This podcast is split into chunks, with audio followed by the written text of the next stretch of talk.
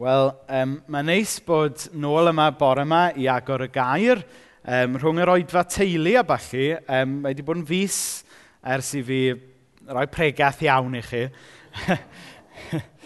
um, felly mae'n beth peryglis cadw gweinidog wedi cloi fyny mewn potel am fus cyfan. Um, na, ddim go iawn. Ond beth da ni'n gwneud bore yma felly? Da ni'n ailgydio yn yn cyfres ni yn mynd trwy lyfr Genesis. Um, yr ysbrydoliaeth i'r gyfres yma, dych chi'n cofio erbyn awr, ydy, um, ydy Take That. Uh, ganodd Never Forget Where You've Come Here From. Gwirioneddau mawr gan y band pop enwog hwnnw o'r 90au. Mae'n bwysig bod ni'n gwybod o le ni'n dod. Er mwyn deall heddi, mae rhaid ni gofio a deall ddoe. A dyna pam bod yn bwysig bod ni fel Cresnogion yn troi yn ôl yn aml i fyfyrio ar y gwirioneddau pwysig sydd yn Genesis. Felly cyn i fi fynd ymlaen a i ddarllen y darlleniad am heddi, i ni wedi cyrraedd um, erbyn hyn hanes Abraham. A i ni'n mynd i ddarllen chydig adnodau o benod 12 ac yna chydig adnodau o benod 15. Dyma'r arglwydd yn dweud wrth Abram, dwi am i ti adael dy wlad, dy bobl a dy deulu a mynd ble dwi'n ei ddangos i ti. Bydda i'n dy wneud di yn genedl fawr ac yn dyfendithio di a byddi'n enwog. Dwi eisiau ti fod yn fendith i eraill a bydda i'n bendithio rhai sy'n dyfendithio di ac yn melltithio unrhyw un sy'n dyfachanu di. A bydd pobloedd y byd i gyd yn cael eu bendithio trwy ti. Wedyn, ymlaen i adnod 15. Rhywbryd wedyn, dyma'r arglwydd yn siarad gyda Abram – mewn gweledigaeth. Paid bod ag ofn, Abram, fi ydy dy darian di. Byddi'n derbyn gwobr fawr. Ond meddai Abram, o feister arglwydd, beth ydy'r pwynt os byddai'n marw heb gael mab? Eleiser o ddamasgus fydd yn cael popeth gen i. Ac aeth yn ei flaen i ddweud, dwi ti ddim wedi rhoi plant i mi, felly bydd ceithwas sydd wedi bod gyda mi ers iddo gael ei eni yn etifeddu'r cwbl. Ond, dyma'r arglwydd yn ei ateb. Na, dim hwn fydd yn cael deiddo di. Dy fab naturiol di dy hun fydd yn etifeddu deiddo di. A dyma'r arglwydd yn mynd ag Abraham allan a dweud wrtho, edrych i fyny i'r awyr, cyfra faint o ser sydd yna os fedri di, Fel yna fydd dy ddisgynyddion di yn gwbl amhosib i'w cyfri. Credodd Abraham yr arglwydd a chafodd ei dderbyn i berthynas iawn gyda ge. Felly, Abraham i ni wedi cyrraedd um, yn yr hanes bore yma. Er bod ni'n mynd trwy lyfr Genesis, i chi'n deall erbyn hyn bod ni ddim yn mynd trwy lyfr Genesis adnod wrth adnod, neu byddwn ni yma am flynyddoedd. Ond yr hyn i ni'n neud ar hyn o bryd ydy edrych ar y prif bennau, y prif bobl, y prif themau sy'n codi allan o lyfr Genesis. Achos mae'n e'n lyfr pwysig sy'n deud rhywbeth wrthyn ni ynglyn â Dew, yn dweud rhywbeth wrthyn ni ynglyn â ni yn hunain. Mae'n e'n dweud rhywbeth ynglyn â'r byd mae Dyw wedi greu, a mae'n helpu ni wneud synwyr o'r ffaith bod ni'n byw mewn byd gwahanol i'r byd perffaith greodd Dyw, ond eto reit ar ddechrau'r Beibl, i ni'n cael yr, yr gems yma ynglyn â cynllun hyfryd Dyw i ddod â popeth yn ôl yn iawn yn y diwedd trwy Iesu Grist. Nawr, tro diwetha o'n i yn llyfr Genesis, fe wnaethon ni stopio ar hyd y daith yn um, Genesis 11 a hanes Tŵr Babel. A fe wnaethon ni um, fyfyrio rhywfaint ynglyn a mae dymuniad Dyw i'r greadigaeth ac i ni oedd i ni fod yn unedig yng Nghyst, ond mewn amrywiaeth.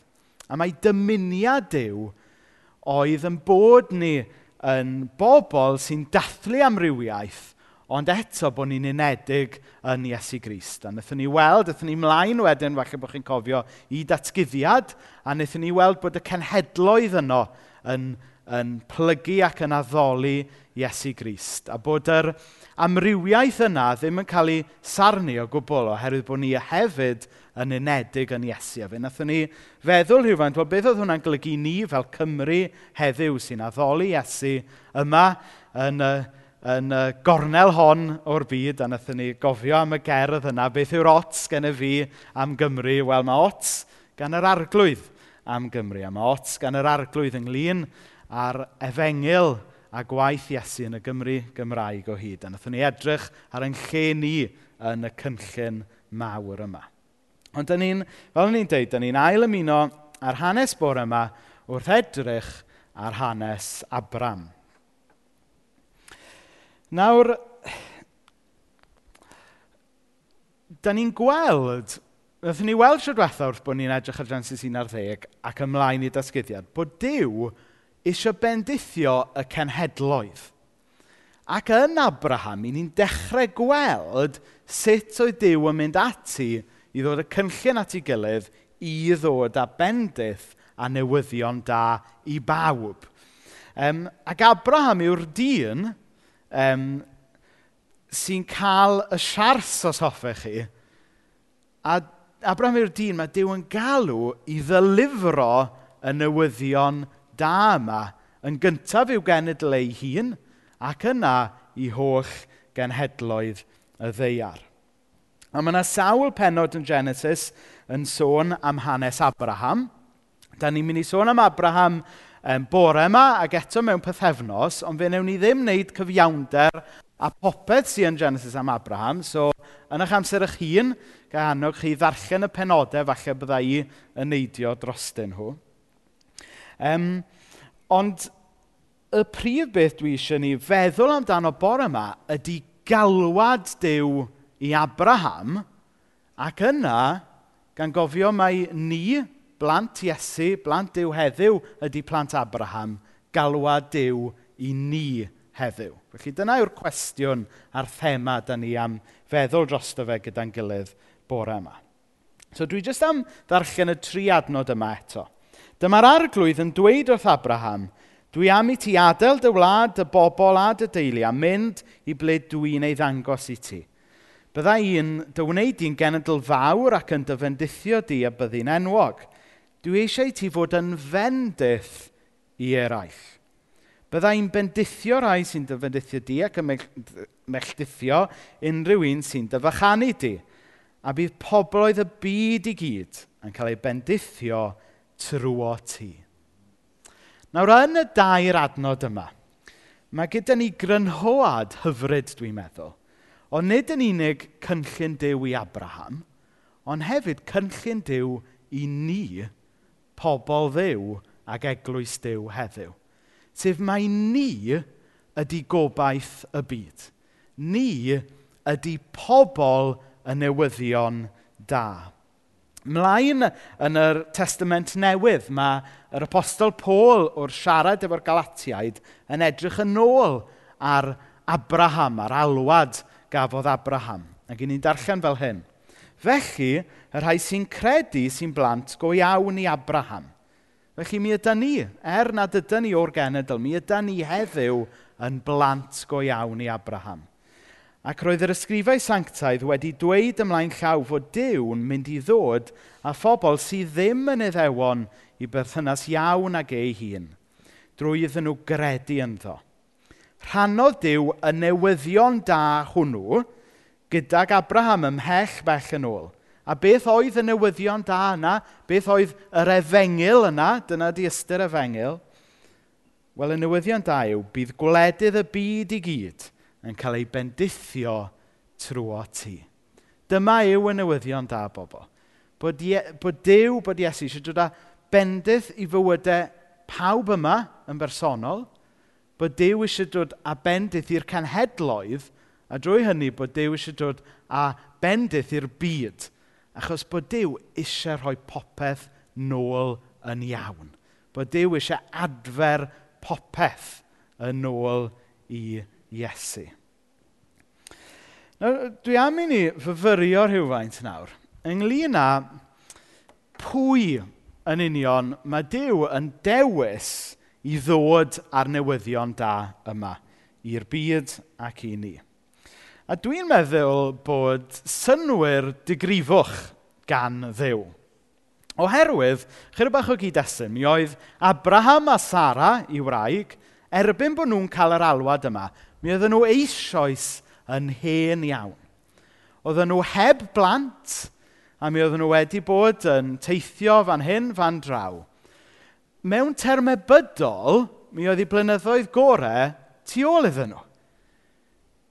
Mi oedd Dew yn dweud fydd yna gen genedl cyfan yn, yn dod allan ohonyn nhw, ond doedd dim un plentyn gyda nhw. A mewn termau bydol, mi oedd y blynyddoedd o gael plant wedi hen basio. A bron bod y cyfan yn swndio bach yn obswrd, ydy? Beth oedd Dyw yn sôn bod e? yn mynd i ddod â bendydd mawr drwy yr hen bar di-blant yma. Dwi'n... Um, dwi, dwi ddim yn dymuno bod yn ddilornus rwan, ond dwi'n neud um, oedfaon yn cartre hen bobl yn pen y groes yn y mis. Ag, a maen nhw'n bobl wirioneddol hyfryd. Ond, ond a, yn hermau bydol, yn hermau corfforol, mae'r blynyddoedd gorau tu ôl iddyn nhw.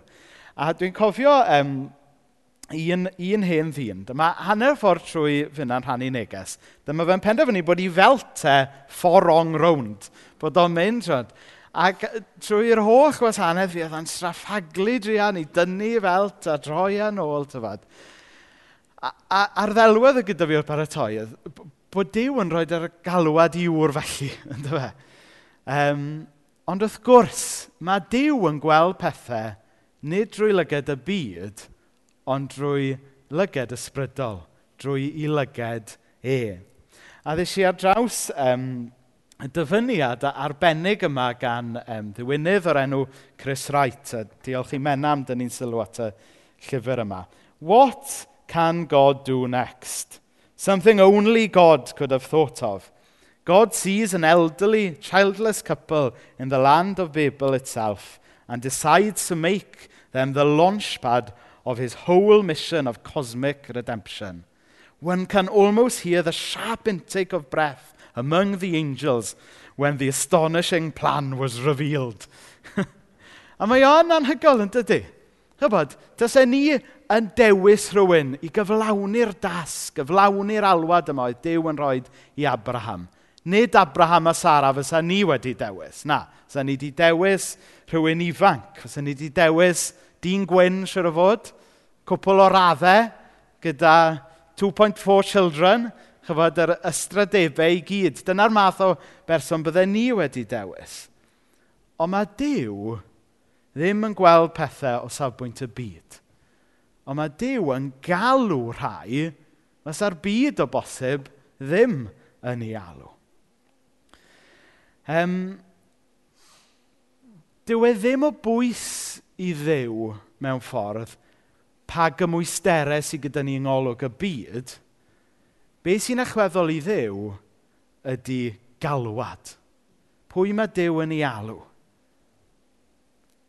A dwi eisiau dweud wrth bob un ohonoch chi bore yma, mae pawb sy'n adnabod Iesu wedi derbyn rhyw fath o alwad. Dyna pan bod Dyw wedi eich achub chi, er mwyn ateb yr alwad sydd gyda fe yn eich bywyd chi. Peidiwch poeni, dydy pawb ddim yn cael ei alw i fynd yn genhadwr i Madagascar. Dydy pawb ddim yn cael ei alw i bregethu neu arwen addoliad neu be bynnag. Ond mae Dyw a galwad benodol i bob un o'i blantau. I rai ohonoch chi falle sy'n athrawon, dyna yw eich galwad chi gan yr arglwydd. Nid jyst dyna mae y coleg di deud y byddwch chi'n dda ni wneud. Dyna mae Dyw wedi galw chi Iddo fe, dyna'ch gweinidogaeth chi. A mae Dyw yn eich arfogi chi i fod yr athro gorau, i fod y gweinyddwr gorau, i fod y tad gorau, y mam gorau, y mam gi gorau, sorry, y taid gorau, y nain gorau, jyst fel mae o wedi galw canhadwr ddydwch i fynd i'r rhan arall o'r byd.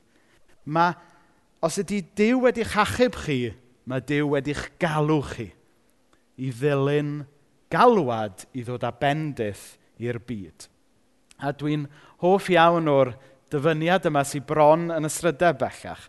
God doesn't call the qualified, he qualifies the called. Mae hynna'n bwysig.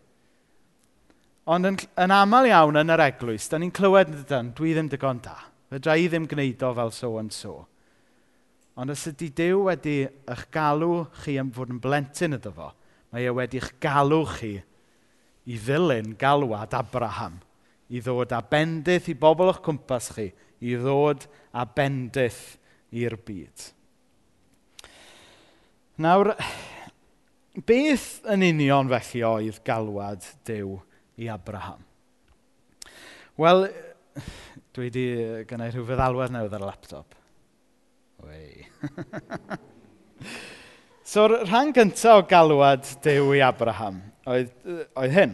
Dyma'r arglwydd yn dweud wrth Abraham, dwi am i ti adael dy wlad, dy bobl a dy deulu a mynd ble dwi'n ei ddangos i ti. Nawr mae'n amlwg yn dydi fan hyn fod yna elfen o drystio ond hefyd aberth yn y rhan o ddilyn galwad Dyw ar yn bywyd ni.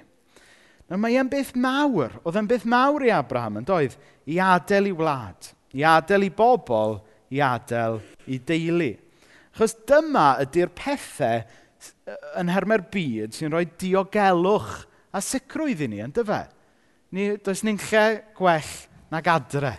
Dwi'n mwynhau mynd i deithio, ond pan dwi adre, oh, dwi, hynny mae ma adre, mae teulu, mae bod ymlith yn pobl ni yn hunain yn neud i ni deimlo'n saff yn dydy. Felly pan, pan oedd Dyw yn galw Abraham i gamu allan o hyn, oedd e'n galw ar Abraham i drystio fe, i cymryd y cam yna, a mi oedd yna aberth yn rhan o hyn. Nawr mae yna rai Cresnogion yn derbyn yr alwad yma yn llythrenol. Mi oedd Robin yn gweddio yn doedd ynglyn â'r wyrth bod yna feiblau yn cael ei argraffu yn China heddiw. A mae lot o lefydd yn y byd lle mae'r eglwys Iesu Grist yn tyfu fwyaf ar hyn o bryd, fel China, Corea, Cymru, Cymraeg, a thar efengil i'r llefydd yna i ddechrau. Felly mae yna bobl o'n cenedl ni yn hunain sydd wedi dilyn yr alwad yma yn llythrenol, wedi gadael ei gwlad i pobl a'i teulu.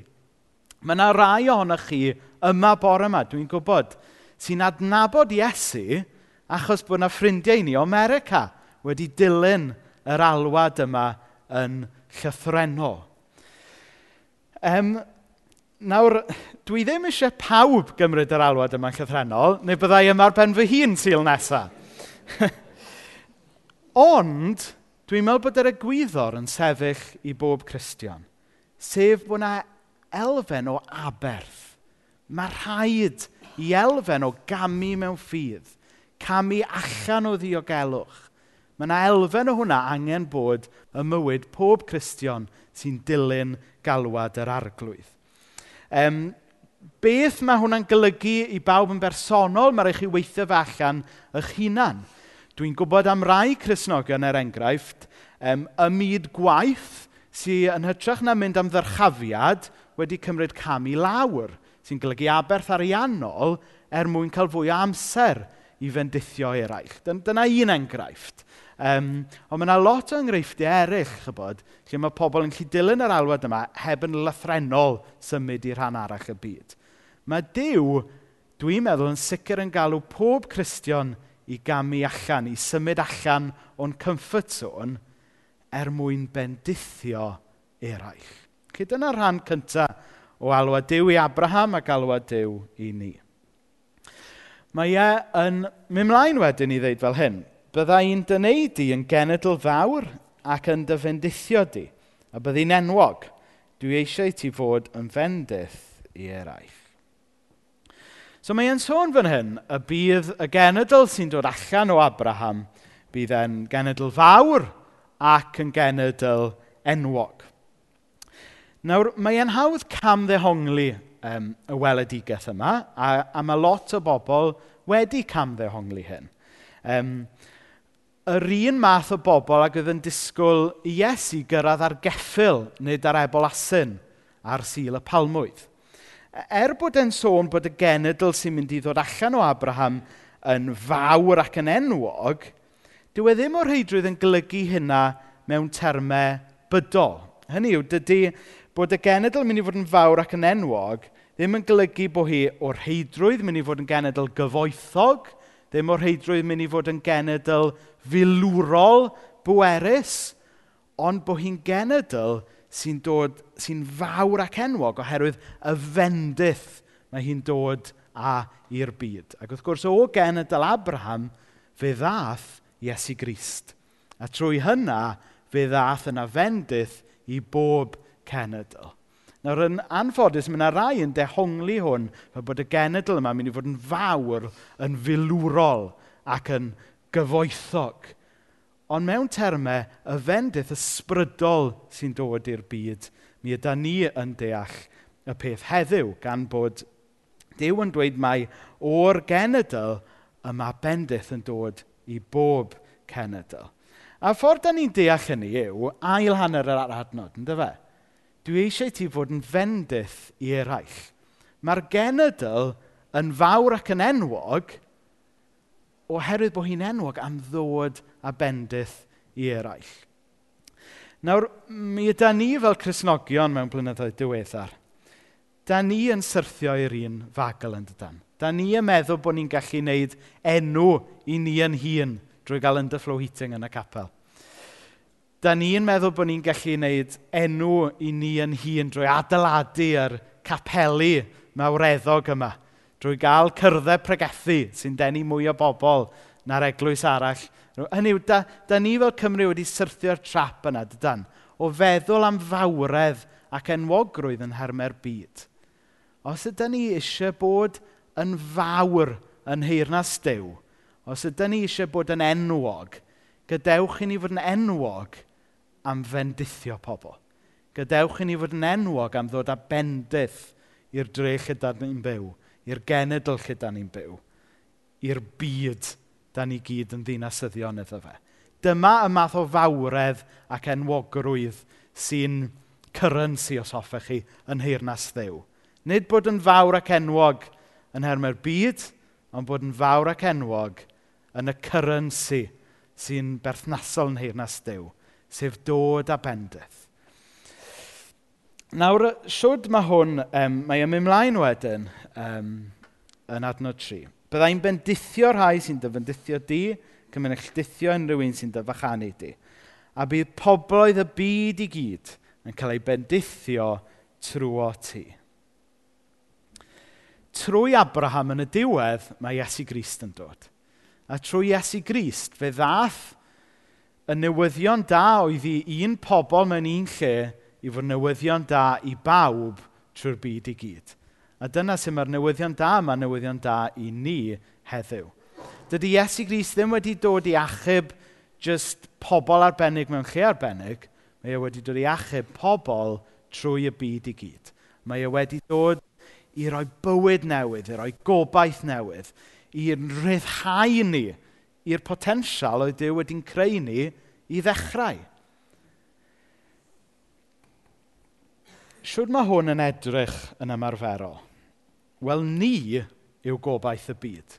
Ni heddiw ydy plant Abraham. Mae unrhyw un yma sy'n adnabod Iesu yn blentyn a ddewyd Abraham. Ni yw gobaith y byd. Ni sy'n dweud posib pa mae'r byd yn dweud amhosib. Ni sy'n derbyn pobl pan mae cymdeithas yn gwrthod pobl. Ni sy'n maddau pan mae'r byd yn dweud anfaddeuol. Ni sy'n gweld y gorau ym mhobl pan mae cymdeithas y gweld y gweitha ym mhobl. Dyna be mae'n golygu fod yn fendith yn y byd. Dyna mae'n golygu fod yn fendith i'r dref yma da ni'n byw ynddo fe. Ond mae e'n tôl oder yn dydy. Achos mae'r byd yn ynherbyn ni. Da ni'n byw mewn byd sy'n deud na. Da ni'n byw mewn byd sy'n deud amhosib. Felly beth oedd yr achwedd i Abraham ddilyn yr alwad? Be di'r achwedd i ni ddilyn yr alwad? Sut alle cwpl oedrannus, heb blant, enni cenedl fawr sy'n dod â bendith i'r byd? Sut y gallwn ni, griw bach, mewn dinas enfawr fel Cynarfon. Ddod â bendith yma. Wel, mae'r ateb yn weddol syml. Trwy ffydd. Trwy drystio yn y dew sy'n gallu gwneud yr amhosib. Yr hyn sy'n amhosibl efo dyn sy'n bosibl efo dew. A dyma'r arglwydd yn mynd ag Abraham allan a dweud wrtho, edrych i fyny'r awyr, cyfra faint y ser sydd yna os fedri di. Fel yna fydd dy ddisgyblion di. Yn gwbl amhosibl i'w cyfri. Credodd Abraham yr arglwydd a chafodd ei dderbyn i berthynas iawn gydag e.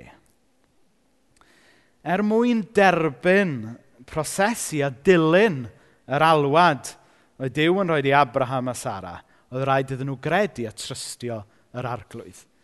Ac os ydyn ni am dderbyn yr un alwad. Os ni am fod yn fendith i bobl yn cwmpas ni, i ni'n edrych ar y natur yn hunain, i ni'n edrych faint ohono ni sy'n yma, mae yn dasg amhosib. Ond trwy ffydd mae unrhyw beth yn bosib. Mae'r tystiolaeth fydol yn awgrymu bod e'n amhosib. Oedd yr odds yn erbyn Abraham a Sara.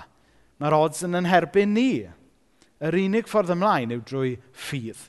Drwy drystio bod Dyw mynd i wneud rhywbeth yno ni a trwy ni. A bore yma, dwi eisiau yn gwahodd ni gyd i freuddwydio fel Abraham a Sara. Gewn ni bore yma drystio yn niw fel oedd Abraham a Sara yn trystio. Gewn ni gredu fod yr un dew oedd yn bendithio Abraham ac yn bendithio trwy Abraham yw hefyd yr un Dyw sydd wedi'n galw ni yn bendithio ni ac yn galw ni i fendithio Caernarfon. Gewn ni freuddwydio, gewn ni fentro, gewn ni edrych i'r ser a gewn ni gredu fel Abraham a Sara bore yma. Mae Dyw trwy reswm fyddwn ni byth yn ei ddeall yn yn galw ni yn ein dewis ni i fod yn fendith yn y byd. Amen.